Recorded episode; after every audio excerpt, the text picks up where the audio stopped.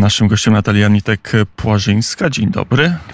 Dzień dobry panie redaktorze, dzień dobry państwu o poranku. Mm, e, autorka filmu, chyba w zasadzie to mm, będzie to cykl mm, filmów Dobrzy Niemcy, o tym jakie są stereotypy, jaka jest prawda o, o bogactwie, o zapleczu i ekonomicznym i, i społecznym naszych zachodnich e, sąsiadów. Na początek pytanie, e, dlaczego właściwie pani postanowiła taki film, taki dokument stworzyć?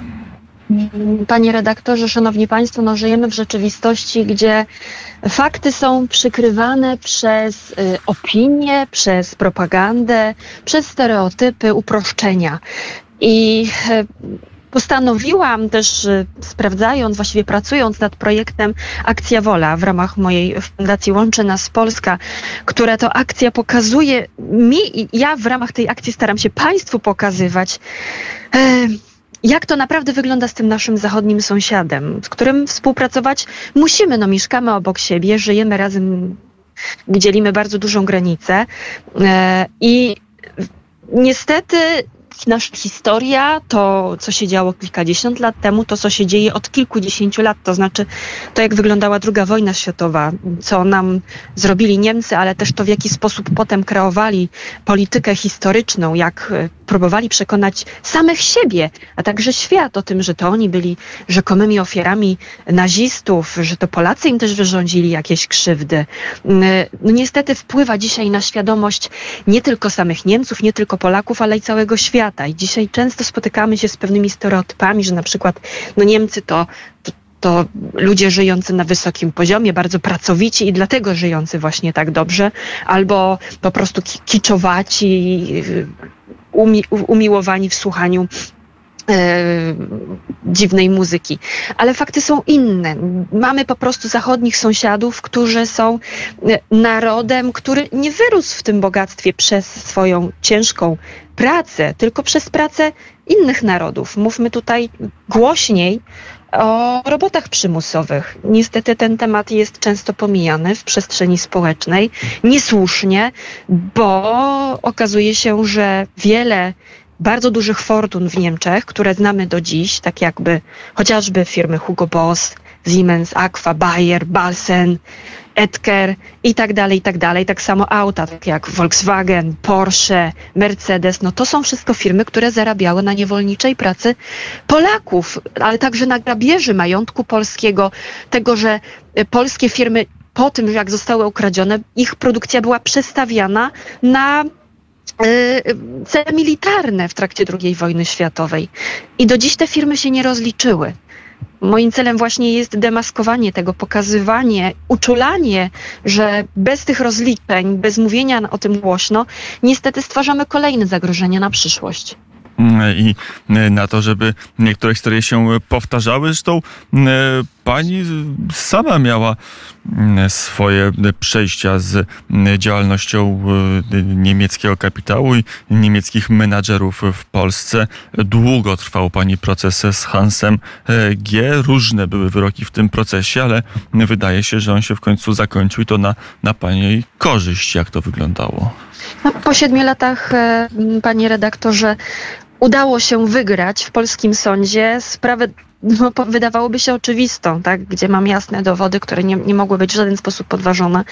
Dowody, które wskazywały, że po prostu niemiecki pracodawca, Niemiec w Polsce, no, wyrażał się wprost z e, antypolskim, nazistowskim mm, sentymentem. Ale ta sprawa, pomimo, że ja byłam świadoma tego, jak wyglądała historia, u mnie w domu się o tym mówiło, nie unikało się tego tematu. Moi dziadkowie byli na robotach przymusowych i nie dorobili, nie dorobili się walizek e, z pieniędzmi, tak jak niektórzy politycy tylko po prostu garba i chorób. I tak, tak niestety większość Polaków kończyła.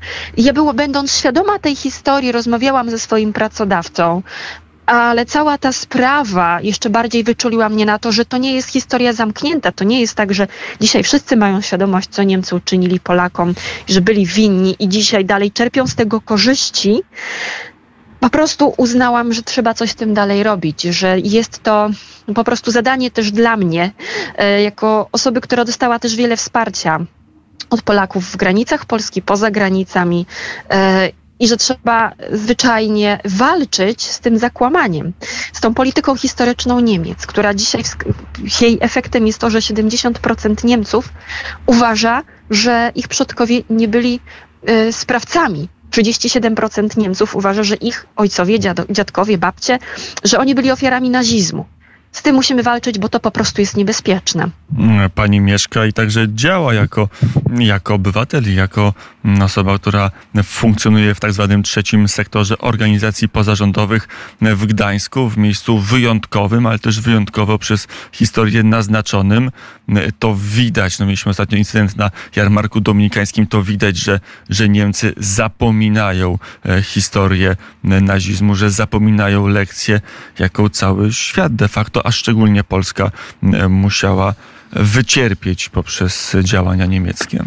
Tak, widzimy to nader często. Okazuje się, że wystarczy, że po prostu przyjadą do nas Niemcy, korzystają z polskich tak jak Hans G., mój były pracodawca, tak samo jak tak samo i e, frankońscy mu y, muzycy, którzy przyjechali e, na Jarmińsku, byli pięknie ugoszczeni i zwyczajnie w gra. I to jest, szanowni państwo, ogromny problem, no wydaje nam się, że nazizm to jest jakaś pieśń, historia. Okazuje się, że takie e, przejawy nazizmu w Niemczech są coraz bardziej popularne. Nawet niedawno pojawił się taki sygnalizujący raport ze strony nauczycieli niemieckich, e, którzy pisali po prostu o tym, że uczniowie w szkołach coraz częściej hajlują, e, głoszą antysemickie treści. Ja bym też chciała zwrócić uwagę, że cały czas mówimy tutaj o nazizmie jako jednym z przejawów nazizmu antysemityzm, ale zwróćmy uwagę na, na, coś takiego jak antypolonizm. O tym się w ogóle nie mówi. Uważam, że też polska klasa polityczna powinna bardziej zwracać uwagę na ten element. Niemcy drugi, podczas II wojny światowej byli nie tylko antysemitami, ale też e, kierowali się antypolonizmem. I dzisiaj polityka niemiecka także ma bardzo e, twarde m, przesłanki o tym, aby mówić, że po prostu jest antypolska.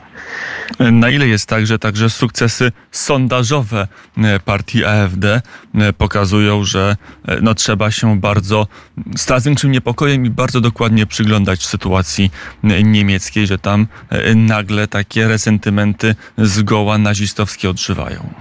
Tak, i to mnie bardzo martwi, no bo ja będąc pomną na historię, tym bardziej teraz w ramach właśnie tego mojego projektu Akcja Wola Fundacji Łączy Nas Polska, ja jeszcze więcej, bardziej zagłębiam się w te tematy. Nawet zamówiłam podręczniki do szkół ponadgimnazjalnych od historii, które są stosowane w Niemczech. W każdym landzie ta polityka jest trochę inna, więc pozamawiałam dla różnych landów te podręczniki, ja je przejrzałam.